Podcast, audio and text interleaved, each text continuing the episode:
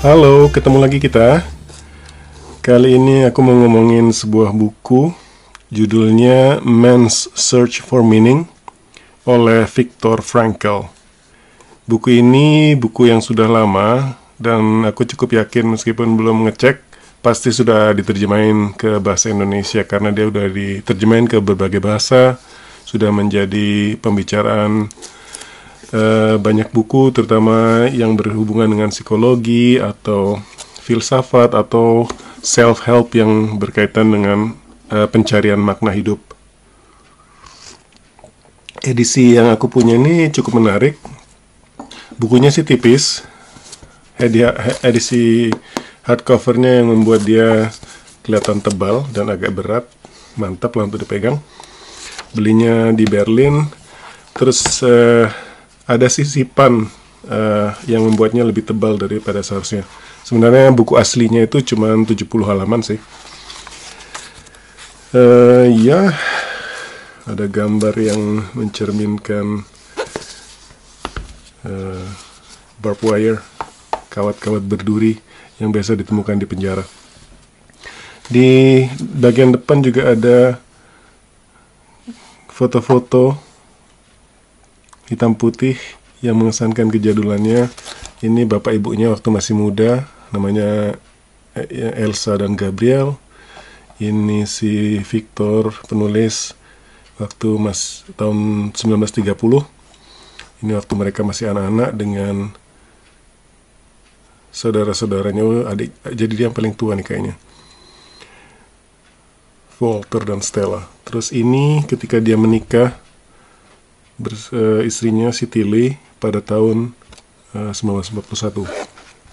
Ini juga ada coretan-coretan naskah-naskah karena dia sempat uh, ketika ditawan di kamp konsentrasi membawa naskahnya naskah artikelnya yang mungkin menjadi cikal bakal teori yang akan dikembangkannya sesudah keluar dari kamp konsentrasi. Di bagian belakang juga ada foto-foto yang sama, bapak ibunya ya, sudah lebih tua ketika tahun 1938 menjelang uh, dimulainya Perang Dunia Kedua. Oh ini lucu nih menarik nih. Self portrait, jadi dia ternyata suka gambar juga di sebuah serbet uh, tisu di Tokyo. Ada tulisan Jepang di sini. Ini foto dia dengan istri keduanya tahun 1947 sesudah dibebaskan ini ternyata dia punya hobi uh, naik gunung ketika sudah ini sudah tua nih sudah keluar dari kamp konsentrasi. Yang ini bersama istrinya bertemu dengan Paus Paulus ke 6 Paus Paulus ke 6 di Roma tahun 70 salah tulis kali ya. Terus ini foto dia. Jadi sebagai buku kesannya uh, kokoh. Kita aku atau saya aku udah mencatat sepanjang menulis dan saya akan membagikannya karena judulnya makna terserak maka saya akan memunguti makna-makna itu dan membagikannya bersama. Dan jelas uh, cara ini akan berguna juga buat aku sendiri. Jadi buku ini seperti saya bilang tadi ada tiga bagian. Bagian yang pertama inilah bagian buku originalnya. Bagian yang kedua ini ketika buku original ini sudah banyak direspon orang, uh, dia mengembangkan sebuah uh, terapi yang namanya logoterapi, yaitu salah satu varian kalau nggak salah dari psikoterapi. Uh, saya orang awam jadi nggak tahu banyak soal itu. Uh, yang terakhir adalah sebuah postscript yang ditambahkan di tahun 94. Jadi sudah berbagai edisi buku ini. Kalau melihat kolofonnya, buku ini pertama kali diterbitkan tahun 59 dan sudah diterjemahkan berkali-kali dalam bahasa Jerman dan bahasa-bahasa selanjutnya. Dalam catatan saya, manusia mencari makan eh makna ke yang akan aku obrolin cuma bagian yang pertama itu bagian dari original dan menurutku sudah cukup banyak sekali yang bisa kita pungut makna-makna dari situ. Edisi ini dikasih kata pembuka oleh Martin Gilbert di tahun 2010. Martin Gilbert ini adalah seorang sejarawan. Dia menulis buku juga yang judulnya The Holocaust and the Jewish Tragedy. Banyak pelajaran-pelajaran yang dia petik dari buku ini katanya. Dan satu hal yang saya catat si Frankel dari catatannya ini, dari pengalamannya ini mengambil kesimpulan bahwa bentuk kebebasan terakhir yang dimiliki oleh manusia adalah kemampuannya untuk memilih sikapnya sendiri dalam kondisi apa pun, dalam kondisi sesulit apa pun, dan uh, kebebasan untuk memilih sikap tadi dan memilih caranya sendiri. Saat kita tidak lagi bisa mengubah situasi, kita ditantang untuk mengubah diri kita sendiri.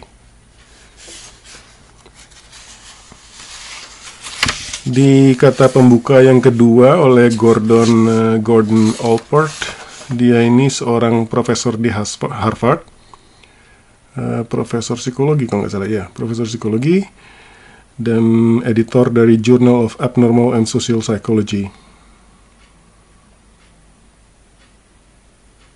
Profesor Alport ini adalah orang yang mempopulerkan karya Dr. Frankel ke Amerika. Dia menulis di kata pembukanya bahwa tema sentral dari filsafat eksistensialisme yaitu hidup ini adalah penderitaan dan bertahan hidup itu artinya menemukan atau mencari makna di dalam penderitaan yang kita alami itu. Mengutip Nietzsche yang dikutip oleh si Frankel tadi, Eh, dan ini akan menjadi kutipan favorit saya juga nih kayaknya. Orang yang punya why, kenapa, atau alasan untuk hidup, akan sanggup menghadapi apa pun bagaimana, semua bagaimana, how, dalam menyelesaikan tantangan.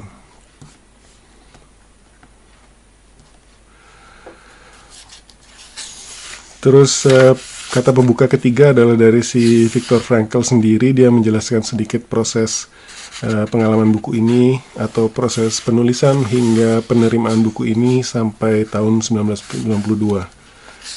Jadi bukunya sendiri telah menjadi hidup memiliki hidupnya sendiri. Kronologi hidupnya si uh, Viktor Frankl disertai juga informasi-informasi sejarah yang terjadi di seputar kehidupannya. Tahun 1905 dia lahir di Vienna, di Wiener, Austria. Terus tahun 25, umur dia masih 20 pasti, atau 19, mungkin baru awal-awal kuliah, dia bertemu dengan eh, Sigmund Freud, pak, uh, tokoh psikologi. Entah dia menjadi terinspirasi untuk belajar psikologi sejak bertemu Freud atau uh, sebaliknya dia sudah pengen belajar dan tentu saja mencari cara untuk bertemu Freud kita maju sampai ke tahun 19, 1933 ketika dia sudah selesai kuliah dan memulai karir di bidang uh, di bidangnya. Hitler menjadi kanselir Jerman tanggal 31 Januari dan sejak tanggal 1 April uh, program Nazi untuk memboikot semua bisnis-bisnis dimiliki Yahudi mem, me, membakar buku-buku yang ditulis oleh orang Yahudi dan segala hal yang berbau anti-Yahudi. Uh, seperti kita mungkin sudah tahu bahwa Austria itu negara tetangga Jerman dan mereka berbahasa Jerman juga. Politik uh, diskriminatif uh, Hitler semakin menguat di tahun 1935. Di 1937, 1937 si Viktor Frankl membuka praktis, prakteknya di bidang neurologi dan psikiatri. Kemudian tahun berikutnya 1938 tentara Jerman memasuki Austria. Austria diokupasi oleh Jerman. Tahun 39 si Victor Frankel ini mendapatkan visa ke Amerika, tetapi karena dia prihatin atau mengkhawatirkan uh, orang tuanya yang sudah tua, jadi dia biarin aja. Nggak dia pakai visanya itu.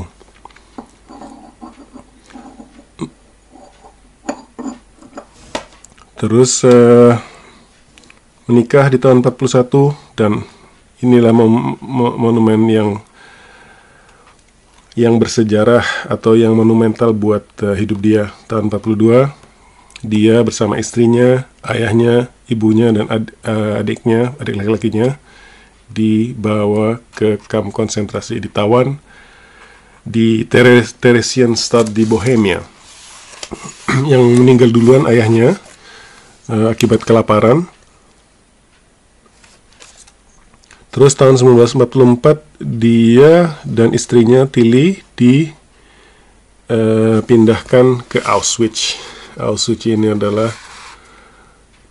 kamp konsentrasi mungkin terburuk tapi dia yang paling terkenal lah ya. yang momok. Kalau terdengar kata Auschwitz yang pertama muncul di pikiran saya adalah pembantaian, uh, tawanan Nazi, Holocaust dan sebagainya.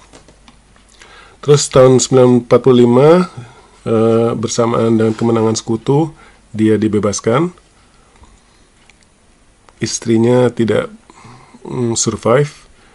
Kemudian dia mengembangkan karirnya dia kembali ke kehidupan, kehidupan normal menjadi Director of Vienna Psychological and Neurological Polyclinic dan sebagainya terus dia menikah lagi tahun 47 dengan Eleanor Schwind uh, punya anak di tahun eh, di bulan di tahun yang sama di bulan Desember. Terus dia terus belajar hingga eh, belajar dan eh, berkarir di luar negeri. Lalu tahun 59 dia menerbitkan uh, sebuah naskah yang judulnya Ein Psycholog erlebt das Konzentrationslager. Bahasa Jerman saya udah nggak bagus atau nggak pernah bagus sih yang kalau nggak salah artinya seorang eh pengalaman seorang psikolog di camp konsentrasi. Tapi di dalam bahasa Inggris ini judulnya jadi From Death Camp to Existentialism. Lumayan. Uh, buku ini yang buku yang kita pegang ini di tahun 1963 mendapatkan judulnya yang sampai yang ada sampai sekarang yaitu Man's Search for Meaning. Buku ini membuat dia terkenal dan dia membicarakan dan mengembangkan uh, terapi yang dia sebut sebagai logoterapi hingga akhir hayatnya. Jadi itu sekilas kehidupan si Viktor Frankl yang menurut saya itu memberikan semacam kredibilitas pada apa yang akan dia sampaikan. Karena banyak kita melihat atau membaca buku-buku yang memberikan pelajaran hidup seperti ini tapi mungkin uh, tidak sekredibel atau tidak semon tidak se sekeras ini pengalaman yang menjadi dasar ajaran-ajaran itu.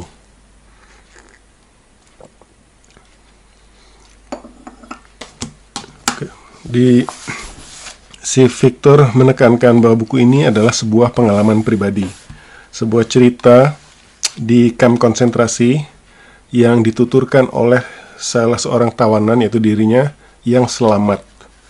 Dan buku ini berusaha menjawab pertanyaan bagaimana sih rasanya kehidupan sehari-hari di kamp konsentrasi dan bagaimanakah kenyataan itu tercermin atau membentuk pikiran seorang tawanan biasa.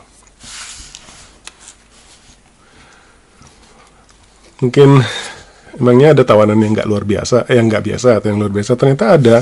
Di sini disebutkan bahwa di dalam kamp konsentrasi itu selain tawanan biasa yang kebanyakan, tentara Jerman juga membutuhkan bantuan. Jadi diciptakanlah posisi-posisi seperti kapo, uh, ta kaki tangan uh, Nazi yang bisa disuruh-suruh untuk melakukan kerjaan-kerjaan rutin, uh, ngurusi dapur, ngurusi ini itu. Jadi mereka semacam tawanan istimewa dan seleksinya menjadi sebuah event tersendiri uh, yang bisa berarti hidup mati bagi seseorang di sana. Dan hal yang menarik yang saya catat di sini adalah Kapu ini, mereka orang Yahudi juga yang dipilih oleh tentara Jerman. Ternyata mereka jauh lebih kejam kadang-kadang daripada tentara Jerman sendiri terhadap uh, suku bangsa mereka. Lalu dalam proses penulisan buku ini ada refleksi juga yang mengatakan bahwa seperti tawanan mantan tawanan yang lain, kami tidak suka atau dia mereka tidak suka membicarakan pengalaman itu karena bagi mereka ah buat apa sih gunanya orang yang sudah pernah mengalami toh nggak akan perlu diceritakan lagi nggak akan membaca buku ini dan, dan orang yang tidak akan pernah ke sana mungkin sulit atau bahkan tidak mungkin untuk memahami apa yang kita rasakan di sana maupun apa yang kita rasakan sesudahnya. Jadi itu sebuah tantangan yang cukup berat tampaknya. Tapi dia memutuskan untuk menuliskannya juga dan menurut saya itu sebuah uh, keberuntungan kita bahwa dia akhirnya memutuskan untuk itu. Karena banyak sekali pelajaran yang bisa kita ambil dari pengalaman dia. Dia sempat me dia sempat mempertimbangkan untuk menuliskan ini tanpa mencantumkan nama dia, tapi walaupun zaman itu belum seperti zaman sosial media sekarang, menurut saya keputusannya benar untuk tidak melakukan itu. Karena seperti sekarang betapa banyak berkeliaran eh, tulisan-tulisan atau catatan-catatan atau tweet dan sebagainya yang tidak ada namanya, itu membuat saya langsung berpikir kalau nggak ada namanya atau kalau ditulis anonimus saya udah pasti langsung meragukan kebenarannya atau mempertanyakan apa sih motifnya itu. Jadi baguslah tidak ditulis secara anonimus. Struktur uh, buku ini dibagi menjadi tiga yang mencerminkan tiga fase perkembangan mental seorang tawanan. Um, tiga momen-momen penting itu yaitu ketika dia masuk ke dalam tawa, eh, ke dalam kamp konsentrasi. Yang kedua pada saat dia sudah mulai atau sudah terbiasa dengan rutinitas di dalamnya.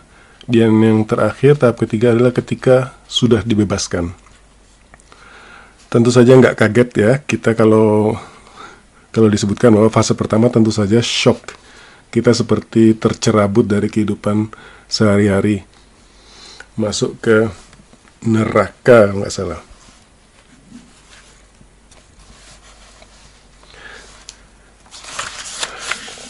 Ada semacam delusi of delusion of reprieve yaitu semacam delusi bahwa kita akan mengalami penangguhan hukum atau pembatalan hukum.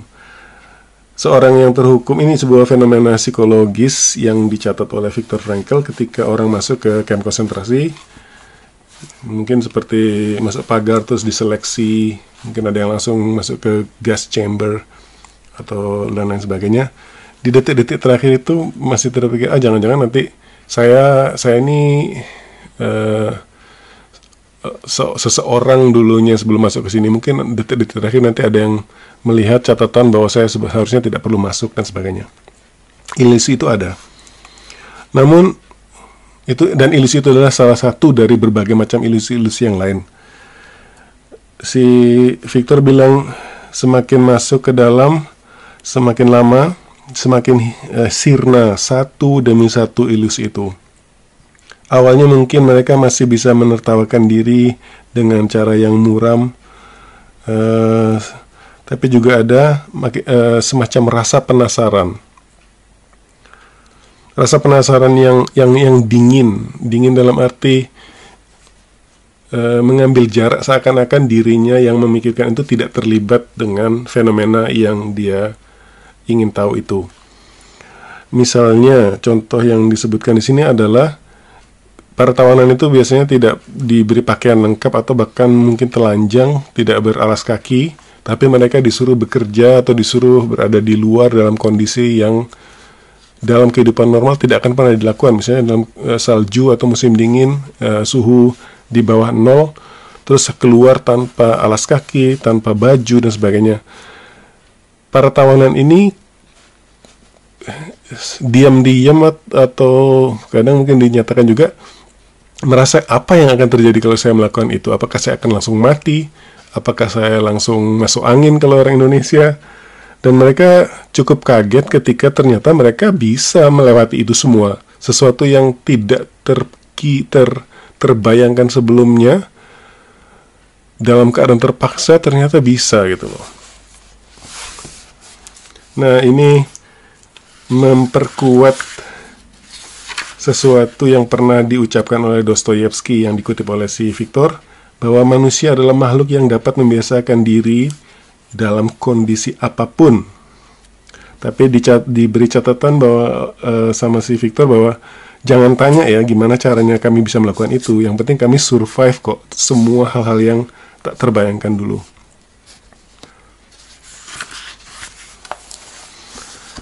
Dan ketika di fase pertama ini belum terlalu uh, meresap di dalam diri mereka bahwa ada kemungkinan mereka itu akan mati karena eksekusi atau karena kelaparan dan kondisi-kondisi yang lain. Kemungkinan itu belum masuk ke dalam uh, pikiran mereka sebagai uh, possible uh, sebagai possibility at all. Lalu di fase kedua, fase kedua ini karakteristik karakteristik utamanya adalah perasaan apatis dan mati rasa, emotional death. Dia mulai merasakan ke, dulu ketika ada orang sedang disiksa atau ada orang yang dihukum mati, dieksekusi di depan kita, pasti kita entah bulu kuduk kita meremang atau kita menutup mata dan sebagainya.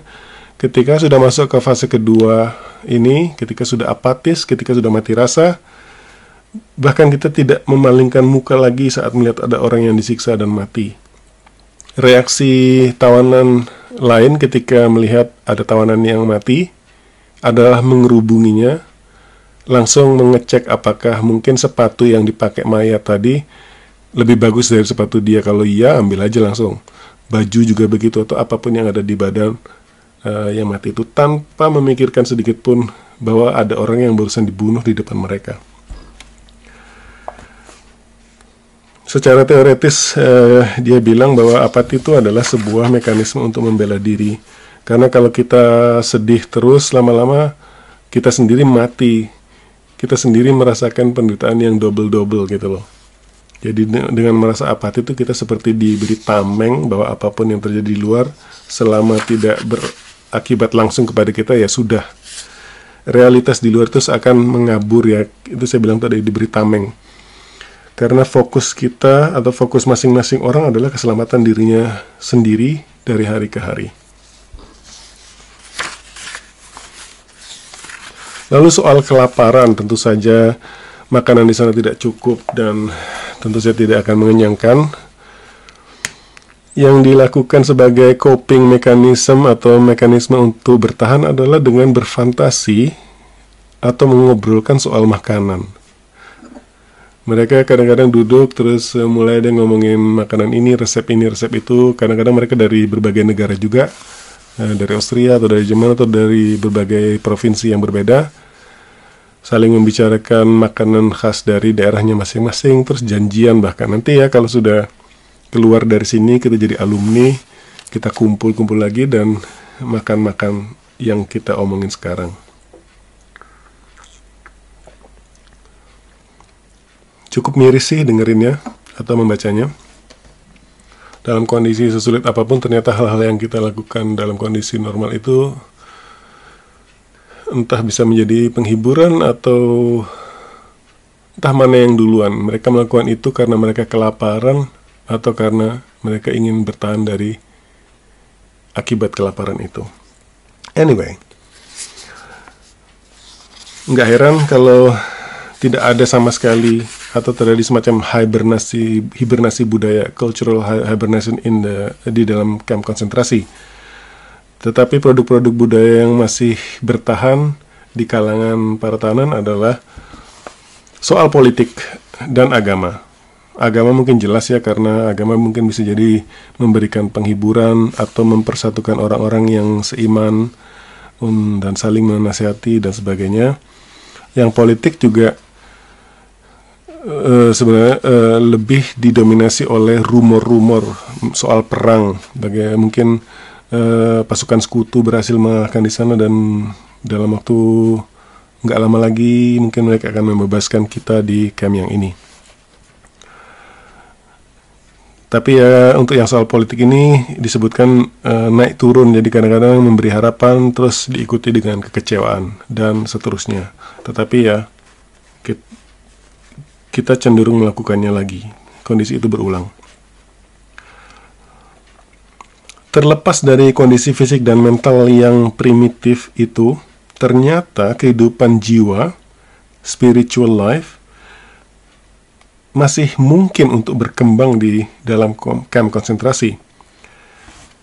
Ada paradoks, ada kontradiksi yang dia catat bahwa orang yang secara fisik kelihatannya lebih lemah, ternyata lebih mampu bertahan di camp konsentrasi daripada orang yang lebih kuat. Bisa um, menurut saya itu mungkin karena kehidupan rohaninya itu ada hal yang dicatat pada suatu hari mereka sedang disuruh berbaris di luar untuk ke tempat uh, kerja paksanya Terus ada salah satu tawanan yang bilang ke si Victor, oh coba ya kalau kalau istri-istri kita sekarang ngeliatin kita nih, kita lagi dibeginiin. Ketika disebutkan soal istrinya itu, Victor yang sedang setengah ya kelaparan dan sebagainya itu teringat sama istrinya, teringat sama momen-momen yang pernah mereka alami bersama, momen-momen manis dan sebagainya. Sejenak seperti hatinya itu hangat, ada kehangatan di hatinya walaupun dunia ini sudah dingin dan sebagainya. Dan kehangatan itu mampu juga untuk membangkitkan semangat hidup momen-momen kecil inilah yang membuat si Frankel mencatat kemudi di kemudian hari bahwa wow hebat. Ternyata lirik-lirik yang kita dengar di lagu-lagu pop itu benar ya.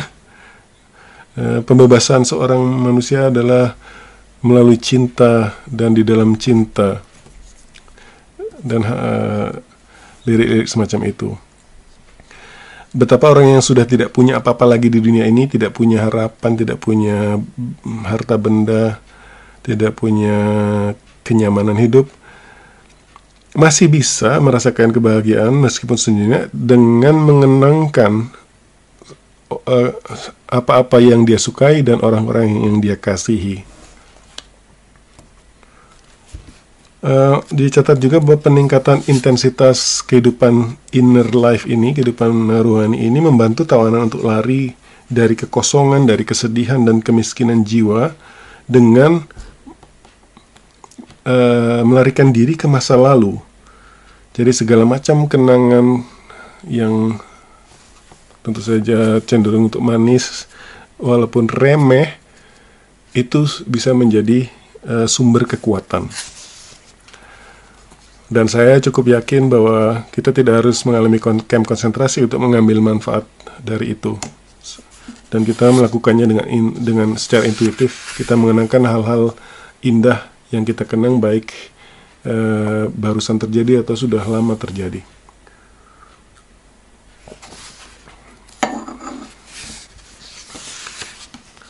Nah, seiring meningkatnya intensitas uh, ruang atau kehidupan kejiwaan itu, pengalaman mengapresiasi seni dan keindahan alam juga meningkat intensitasnya.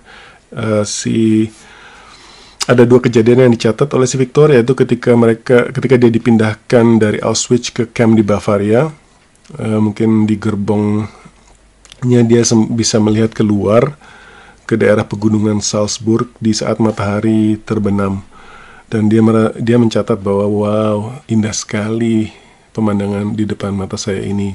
Dan dia merasakan intensitas kenikmatan apresiasinya itu jadi luar biasa.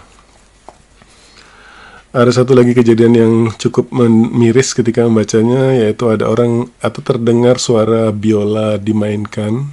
Suaranya seperti menyayat di malam hari dan terdengar dari tempat tidur si Victor yang membuatnya ikut menangis bersama biola itu. Dan terlebih lagi, kejadian atau malam itu adalah hari ulang tahun istrinya. Saat itu si, si Tilly, si Victor belum tahu apakah Tilly, nasib Tilly seperti apa. Rasa humor adalah sesuatu juga yang membantu dan ternyata masih bisa ada di situ ini adalah salah satu cara jiwa kita membela diri. Kalau ini beneran uh, saya juga mengambil, mengambil manfaatnya sepanjang hidup saya. Menikmati komedi atau me, berusaha mengulik-ngulik bagaimana sih komedi itu berguna dalam kehidupan kita. Bagaimana caranya bekerja untuk memproduksi hal-hal yang lucu. Bagaimana caranya melihat hal-hal yang biasa, melihat kelucuan di dalam hal-hal yang biasa. Itu sebuah teknik mental yang menurut saya menarik. Karena dengan rasa humor itu atau dengan sarkasme dan uh, teknik-teknik komedi itu kita bisa menciptakan jarak dengan situasi buruk yang sedang kita alami atau situasi apa pun yang sedang kita alami walaupun hanya sejenak. Ini ada analogi yang menurut saya cukup lucu tapi mengena. Bayangkan coba bahwa penderitaan itu seperti gas. Jadi dalam ruangan yang sebesar apa pun, nggak perlu gas yang uh, jumlahnya sama dengan jumlah ruangan itu cukup sedikit saja itu bisa efeknya terasa di keseluruhan uh, ruangan di seluruh ruangan.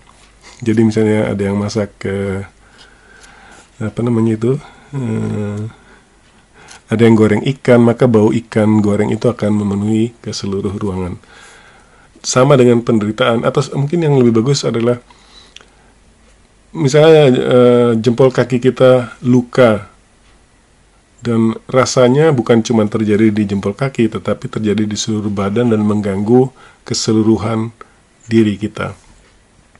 Nah, kalau itu adalah analogi dari penderitaan maka si Victor juga menemukan bahwa itu pun sama dengan uh, kegembiraan. Kegembiraan itu nggak perlu besar, kegembiraan itu cukup kecil dan dia akan seperti gas tadi, cukup kecil dan dia akan terasa di seluruh ruangan, terasa di keseluruhan diri kita. Nah, carilah uh, yang saya ambil dari ungkapan ini atau catatan ini adalah carilah itu. Kegembiraan walaupun kecil nikmatilah. Ini hashtag bahagia itu sederhana mungkin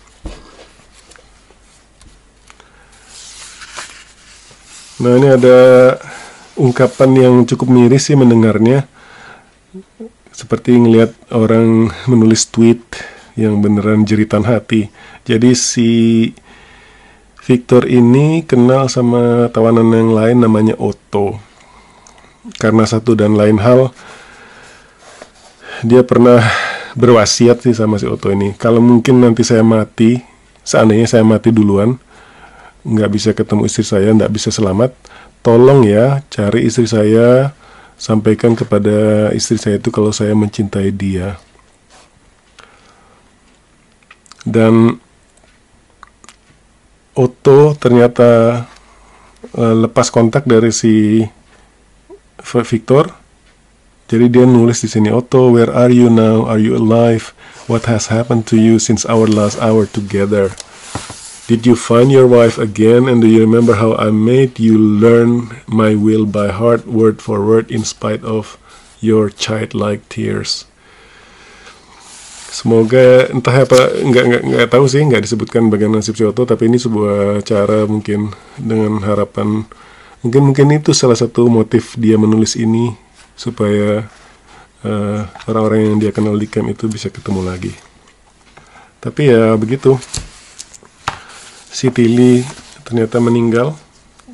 Uh, pertemuan terakhirnya dengan Victor adalah atau perpisahan terakhirnya adalah pada saat mereka ditawan pertama kali itu mereka dipindahkan tahun 44 ke Auschwitz.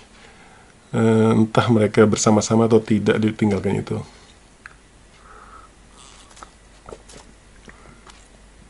Lalu ada cerita yang atau fabel ya yang menggambarkan bahwa nasib itu tidak bisa didorong-dorong atau dibuat tergesa atau tidak bisa juga dihindari.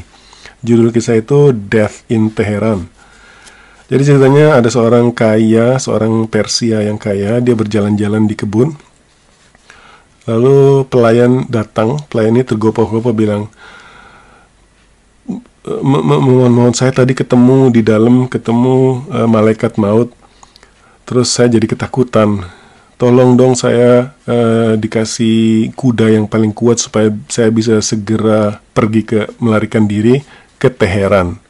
Kalau kudanya kuat, saya bisa sampai di Teheran malam ini. Si orang kaya ini bilang, ya sudahlah, ambil kuda itu, pergi kamu ke Teheran sampai di sana malam ini. Kemudian dia masuk ke rumah, dia lihat si malaikat maut itu, terus dia nanya, kenapa sih tadi kamu nakut-nakutin anak buah saya atau pelayan saya? Si malaikat maut ini bilang, enggak, saya enggak nakut-nakutin dia. Saya cuman kaget. Bukannya kita nanti janjiannya di Teheran malam ini, kata si malaikat maut itu. Ternyata ketergesaanmu, usahamu untuk menghindari sesuatu justru malah membuatmu masuk atau membuatmu menyesuaikan dengan apa yang sudah ditakdirkan. Seperti kita tahu tadi bahwa apatisme adalah uh, karakteristik mental para tawanan di fase kedua ini. Eh, sebab-sebab uh, munculnya apatisme itu macam-macam. Di antaranya adalah kelaparan, kurang tidur, uh, kerja berlebihan, dan semua yang berkaitan dengan fisik. Tapi juga ada sebab yang bersifat mental, yaitu inferiority complex. Jadi merasa inferior. Karena jati diri, harga diri yang sudah dibentuknya di luar camp dengan profesi atau dengan keahlian atau dengan kekayaan atau dengan jabatan semua sirna di camp konsentrasi. Di dalam konsentrasi kamu tuh bukan siapa-siapa. Semua pakai baju dan tidak pakai baju yang dengan cara yang sama. Semua tidur di tempat yang sama uh, sengsaranya kalau nggak salah mereka ditatokan nomor tawanannya dan yang membedakan mereka dengan orang lain atau jati diri mereka di dalam konsentrasi itu di mata orang Jerman ya cuma nomor itu tadi nomor tawanan Nah ini yang membuat mereka jatuh uh, harga dirinya menjadi inferiority complex dan akhirnya dan mengakibatkan apatisme. Di halaman ke-53 inilah yang menurut saya yang paling filosofis karena di situ dibahas soal kebebasan manusia human human freedom, human liberty. Dia memberikan dia mencatat pertanyaan-pertanyaan jadi apa, apa sih sebenarnya human liberty itu? Adakah yang disebut kebebasan jiwa dalam hal perilaku dan dalam hal reaksi kita atas apa yang terjadi kepada kita dan lingkungan kita apakah kita ini sekedar hasil atau produk dari kondisi dan tempat kita berada? Uh, semakin spesifik ke kamp konsentrasi, apakah tawanan yang masuk dan terjerembab di dalamnya itu punya masih punya pilihan lain, baik dalam masih punya pilihan, baik dalam bentuk mau sikap maupun tindakan. Kesimpulan yang dia tulis di sini adalah ya, bah untuk semua. Bahwa orang yang tinggal di kamp konsentrasi itu, masih punya pilihan. Dan dia menyebutkan banyak contoh atau beberapa contoh yang membuktikan itu. Dia merasa satu contoh pun cukup. E, misalnya ada orang-orang yang menyempatkan waktu di kala mereka tidak sedang bekerja atau beraktivitas untuk meng mengunjungi eh, camp-camp yang lain sekedar memberi penghiburan kepada orang-orang yang ada di sana atau ketika dia melihat orang yang lebih lapar dari dia roti terakhir uh, kepingan roti terakhir yang dia punya dikasihin juga jadi semangat untuk berkorban itu masih ada. Dan ini yang dia catat bahwa kita punya pilihan untuk men menyikapi kondisi yang kita alami apa pun itu. Dan inilah yang dia sebut sebagai the last freedom. Ketika semuanya sudah dicabut, sudah dihilangkan, kita masih tetap mempunyai pilihan terakhir yaitu bagaimana menyikapinya, menyikapi kondisi yang seburuk apa pun itu. Menurut saya itu kuat banget uh, pelajarannya. Dan contoh-contoh tadi orang yang memberikan rotinya yang terakhir atau me mendatangi orang-orang lain untuk menghiburnya ternyata tuh uh, yang mereka lakukan itu tidak didorong oleh keputusan orang luar tidak didorong oleh uh, tentara Jerman atau yang lain itu adalah keputusan mereka sendiri inner decision. Mereka lah yang memilih untuk memberikan roti kepingan roti terakhir mereka ke orang-orang yang itu. Walaupun secara akal sehat itu nggak masuk akal. Kamu sendiri nggak tahu akan mati atau enggak tetapi kenapa kamu memberikan hal terakhir yang bisa mem memperpanjang hidupmu walaupun sedikit sedikit? Jadi itu adalah keputusan mereka sendiri dan ini menurut saya bukti jelas bahwa manusia itu punya kebebasan dalam hal apa pun karena itu pilihan mereka. Ada kutipan Dostoyevsky, sastrawan Rusia, yang cocok untuk menggambar penggambaran tadi yaitu hanya ada satu hal yang saya takutkan dalam hidup ini yaitu menjadi orang yang tidak pantas menjalani penderitaanku. Dia menempatkan penderitaan sebagai sebuah uh, kemewahan atau ke prestise yang apakah kelayaan atau kepantasan kita untuk menjalaninya. Dan uh, satu hal penting yang saya catat adalah kebebasan memilih itu tak akan pernah bisa dicabut sampai nyawa kita sendiri dicabut. Selama masih ada nyawa di kandung badan, ini kita masih bisa memilih itu. Kita masih punya kebebasan memilih itu. Kalau kita lihat hidup ini sebagai uh, dua uh, dua modus yaitu modus aktif dan pasif. Ketika aktif artinya kita uh, melakukan kerja, mencipta menciptakan hal yang bagus, eh, hal yang bernilai dengan kerja kreatif, atau kita dalam modus yang pasif, gitu ya kita menikmati hasil kerja aktif orang-orang lain atau eh, kita sendiri tadi, menikmati keindahan alam, menikmati kesenian, menikmati berbagai keindahan yang lain. Ketika dua hal itu, kehidupan aktif dan kehidupan pasif itu ditiadakan, seperti yang dialami oleh para tawanan ini, terjadilah sesuatu yang kita sebut penderitaan atau suffering. Tetapi walaupun begitu, walaupun tidak aktif atau tidak pasif menjalani kehidupan, kita masih tetap punya purpose atau tujuan. Penderitaan itu adalah bagian dari hidup yang tak terelakkan seperti nasib dan kematian. Dan tanpa penderitaan dan kematian, hidup manusia itu tidaklah lengkap. Dengan latar belakang penulis dan pengalamannya, kalimat-kalimat ini terasa tidak klise terasa bernas di telinga saya. Dan penderitaan itu kita bisa melihatnya sebagai peluang untuk menciptakan nilai-nilai moral. Si Victor menyebutkan sebuah film yang judulnya Resurrection uh, yang merupakan adaptasi dari buku Tolstoy. Saya belum mengeceknya, tetapi saya punya film yang menggambarkan kurang lebih sama uh, poin yang disampaikan di sini yaitu life is beautiful. Nanti saya cek, saya cari referensinya. Yang saya ingat dari film itu sampai sekarang adalah bagaimana ketika dua orang dua orang yaitu ayah dan anak kecil yang masuk ke kamp konsentrasi, si ayah ini memproteksi anaknya dari segala mara bahaya, segala penderitaan itu dengan mengatakan bahwa kita ini sedang bermain-main. Dan anak ini sepanjang ditawan di dalam kamp konsentrasi itu mereka sedang main. Jadi apa apa yang dia mereka lihat orang sedang disiksa atau apa dia nggak melihatnya sebagai penyiksaan.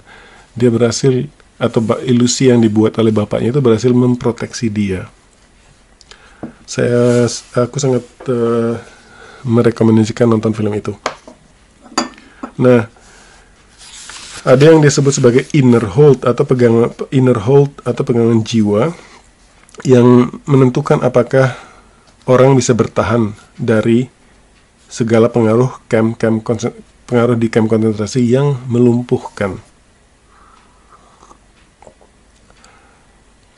Apa sih pengaruh-pengaruh itu? Salah satunya adalah kenyataan bahwa tidak ada kejelasan kapan semua ini akan berakhir. Jadi ketika kita masuk, apa akhir dari semua itu. Kalau nggak mati ya udah selama-lamanya di dalam camp konsentrasi ini sampai mati. Karena kita tidak, tidak ada kejelasan kapan akan dibebaskan atau akankah dibebaskan at all. Ada kutipan yang menurut saya bagus. With the end of uncertainty came the uncertainty of the end. Walaupun bagus ya, saya tetap tidak bisa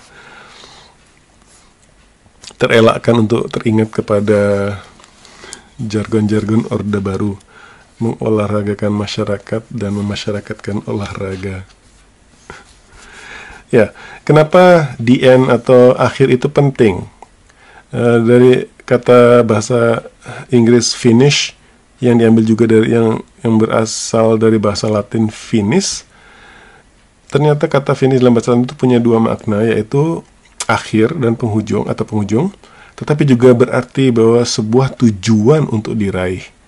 Jadi orang yang sudah kehilangan finish tadi tidak bisa melihat adanya akhir dalam keadaan susahnya tidak dapat meraih tujuan hidup yang utama. Jadi tujuan kalau tidak kelihatan maka tujuannya jadi tertutup juga.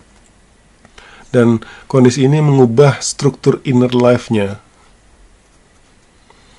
Uh, contoh yang mungkin tidak terlalu tidak se ekstrem di kamp konsentrasi adalah ketika orang kehilangan pekerjaan, ketika menjadi pengangguran dan segala kesulitan yang terjadi akibat itu dan dia merasa ada kapan ini akan berakhir, akankah ini berakhir gitu. Uh, contoh yang kedua adalah ketika orang mengalami penyakit parah. Si Victor ini mengutip dari novel Magic Mountain karangan Thomas Mann sebuah buku yang belum saya baca juga nih. Di situ ceritanya di sanatorium dan eh, pasien-pasien TBC kalau nggak salah ya uh, mengalami ketiadaan akhir ini makin pengen nih baca buku Magic Mountain Nah, kalau orang ada di di posisi itu ada kecenderungan untuk memandang ke masa lalu. Jadi larinya ke masa lalu karena masa lalu udah jelas dan pada masa lalu jelas lebih baik dari masa sekarang, masa yang menderita ini. Nah, itu sebuah uh, defense uh, defense mechanism yang masuk akal yang ya sah-sah saja. Tetapi ada juga ketidak atau ada juga bahayanya yaitu dengan cuman melihat ke masa lalu mungkin tidur tiduran aja uh, menutup mata kita jadi nggak lihat seandainya ada peluang untuk memperbaiki keadaan kita pada saat ini. Ini ketika ketika belum punya kerjaan dulu saya merasakan itu tuh walaupun tidak sedesperat sekarang tapi saya bisa saya bisa berempati bahwa ketika saat itu kapan ya apalagi semakin ditol oleh hmm, e, calon pemberi kerja semakin tua semakin merasakan akhirnya tidak ada dan akhirnya kita cenderung melihat ke masa lalu dan kalau itu terjadi mungkin stop mengirimkan lamaran ke mana-mana dan akhirnya makin makin tidak bisa melihat ke, makin tidak ada akhirnya makin benar gitu loh sesuatu yang kita takutkan tadi. Nah kalau kita ada di posisi itu atau kalau kita menolong or, berusaha menolong orang yang lain orang lain yang ada di posisi itu apa yang bisa kita lakukan? Tips yang diberikan si Victor adalah coba tunjukkan atau berikan atau cari tujuan masa depan yang bisa di nantinya. Dan ternyata tujuan masa depan ini tidak harus besar, tidak harus eh, ketika pengangguran kita tidak harus uh, oke okay, tujuan utamanya adalah mendapatkan pekerjaan tentu saja tetapi untuk bisa menikmati kehidupan dari hari ke hari bisa di uh, jangka waktunya diperpendek misalnya apa yang akan kita lakukan uh, di akhir pekan ini pikiran yang sederhana ini kalau kita punya sebuah tujuan walaupun seremeh apa pun misalnya book fair dengan diskon yang lumayan yang membuat kita menanti-nanti datangnya akhir pekan yang membuat kita bisa melewati mungkin minggu yang sedang berat di kantor dan sebagainya. Jadi kita harus menurut saya sih kita perlu kreatif untuk untuk menyiasati hidup ini dengan cara-cara yang seperti itu. Di dalam buku Ethics, Spinoza eh, menulis bahwa emosi atau sebentuk penderitaan akan berhenti menyakitkan, akan berhenti menjadi menyakitkan ketika kita memasukkannya ke dalam bingkai atau batas-batas yang jelas dan tepat. Kembali ke contoh saya tadi, mungkin kita sedang mengalami uh, ses, uh, sesuatu yang berat di kantor dan kita ingin rasanya atau tersiksa banget di hari Rabu misalnya. Nah, berikanlah bingkai bahwa hari-hari di kantor ini tidak sepanjang tahun atau tidak selama hidup kita, tetapi sampai akhir minggu ini saja, di situlah batasnya. Dan ketika kita melihat itu batasnya jelas dan tepat, dia akan terasa lebih ringan atau tidak semenyakitkan sebelumnya. Semoga contoh ini cukup bisa memberikan ilustrasi dan kita aku yakin sih ada contoh yang lebih bagus. Coba dicari ya. Di halaman 61 ini si Victor menceritakan sebuah contoh betapa dekatnya hubungan antara hilangnya harapan dengan kondisi fisik. Yaitu ada seorang ya ketika orang tahu bahwa dia itu psikolog, mungkin mereka mulai atau psikiater, mereka curhat dan minta nasihat ke si Victor. Salah satunya ada yang bilang bahwa oh saya kemarin mimpi. Di mimpi saya itu ada suara yang memberitakan bahwa nanti ada pembebasan. Nah, kita camp kita ini akan dibebaskan. Kapan? Tanggal 30 Maret. Dan dia mimpi itu pada bulan Februari. Jadi mungkin nyeritainnya juga di sekitar itulah. Oke, okay, dan eh, mimpi ini dia ceritakan yang itu artinya dia sering pikirkan lah sampai dia uh, merasa perlu untuk mengungkapkannya ke psikiater ke si Victor. Yang terjadi adalah ketika menjelang akhir bulan Maret yaitu bulan tanggal 29 dia jatuh sakit. Uh, demamnya tinggi. Hari keesokan harinya yang seharus menurut mimpinya itu akan menjadi hari pembebasnya ternyata tidak membuat tiba-tiba dia hari itu hari ke-30 itu dia langsung uh, hilang kesadarannya dan esoknya dia meninggal. Uh, ada spekulasi bahwa bisa jadi hilangnya harapan ini membuat imun sistemnya langsung drop yang akhirnya penyakit biasa pun akan menyebabkan kematian. Walaupun tidak ada bukti konklusif atau tidak disebutkan lah di sini, saya nggak tahu juga menurut saya itu sebuah hal yang yang menarik hubungannya dan saya saya, saya nggak saya nggak bisa menyebutkan sebagai sebuah fakta tetapi saya juga saya cenderung untuk merasa itu benar. Dan ngelihatnya begini aja.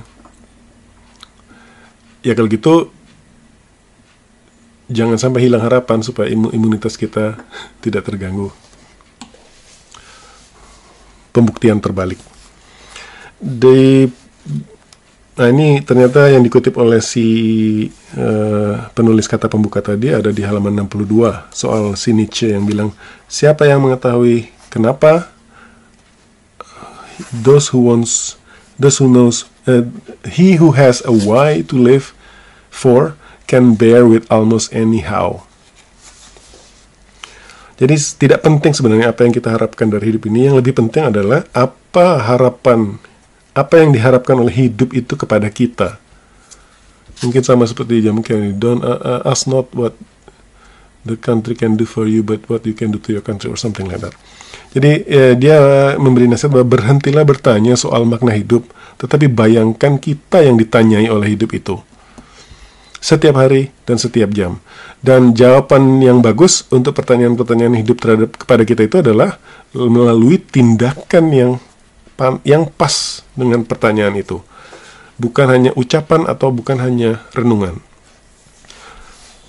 Jadi dia mengeneralisir prinsip ini bahwa sebenarnya hidup itu adalah sebuah pertanggungjawaban atau sebuah responsibility untuk mencari jawaban dan menyelesaikan tugas-tugas yang kita emban, tugas-tugas yang diberikan oleh hidup itu kepada kita. Dan ternyata kalau kita melihatnya seperti ini, tugas yang diberikan hidup kepada kita itu berbeda dari setiap orang berdasarkan latar belakang kondisi fisik, biologis, ekonomis dan sebagainya. Dan itu juga berbeda tiap waktu pada orang-orang yang sama itu.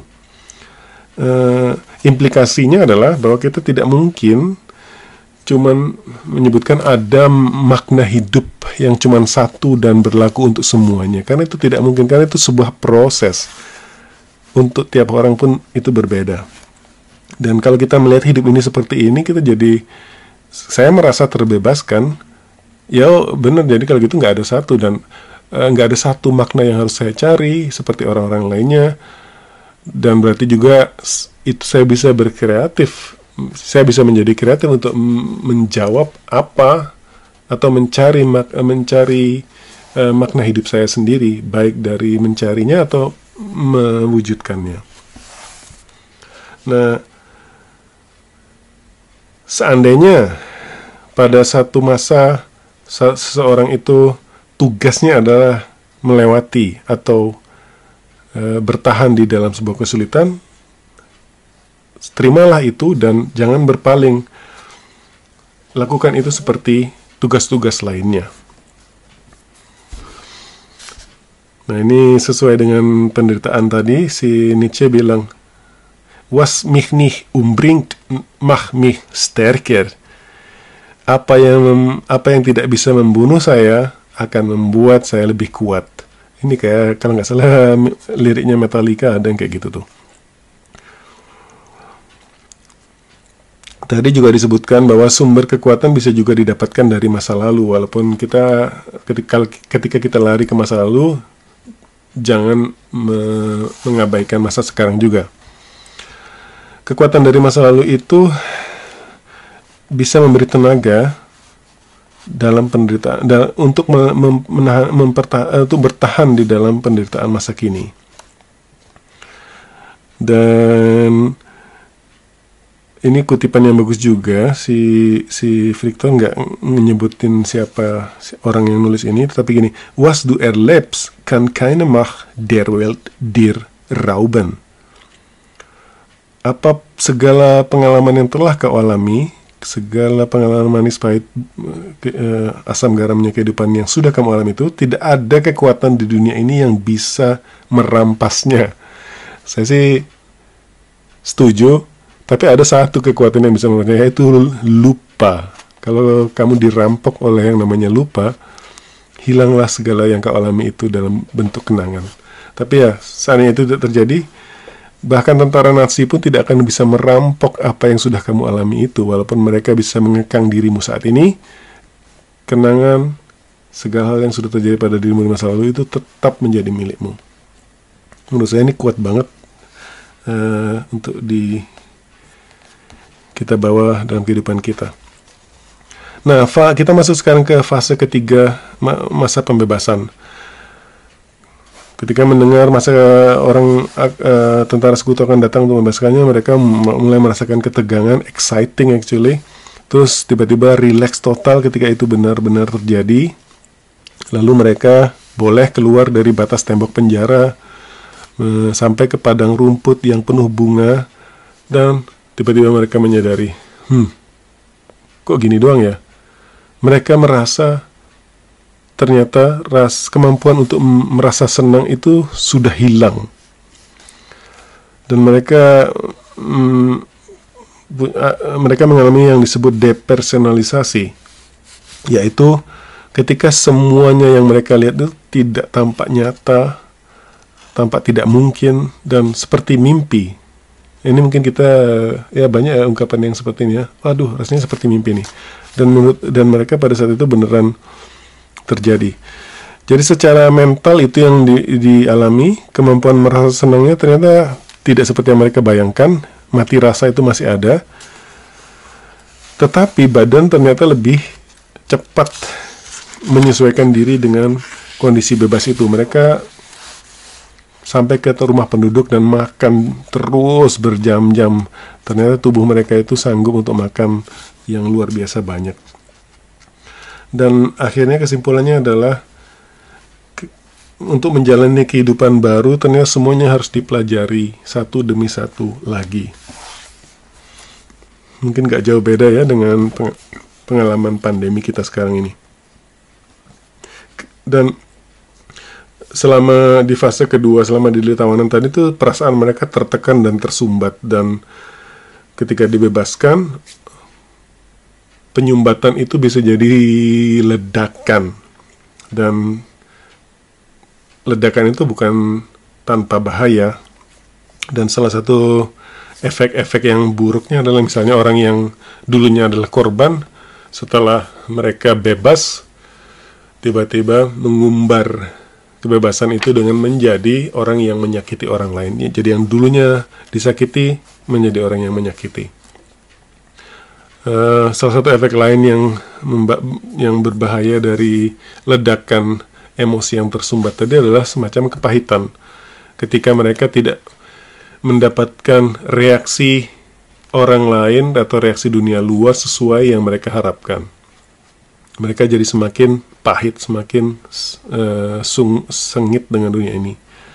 Dan yang satu lagi adalah keputusasaan, yaitu ketika mereka di dalam mereka mendapatkan kesan bahwa oh ini adalah penderitaan terbesar jadi nggak mungkin lagi bisa menderita ini oh saya saya saya mengalami ini ketika ketika belum dapat kerjaan sesudah lulus saya akan ngerasa oh ini rasanya udah di titik nadir banget nih nggak akan saya takut lagi kesannya saya udah punya kerjaan saya nggak akan pernah merasa sedih lagi seperti ini.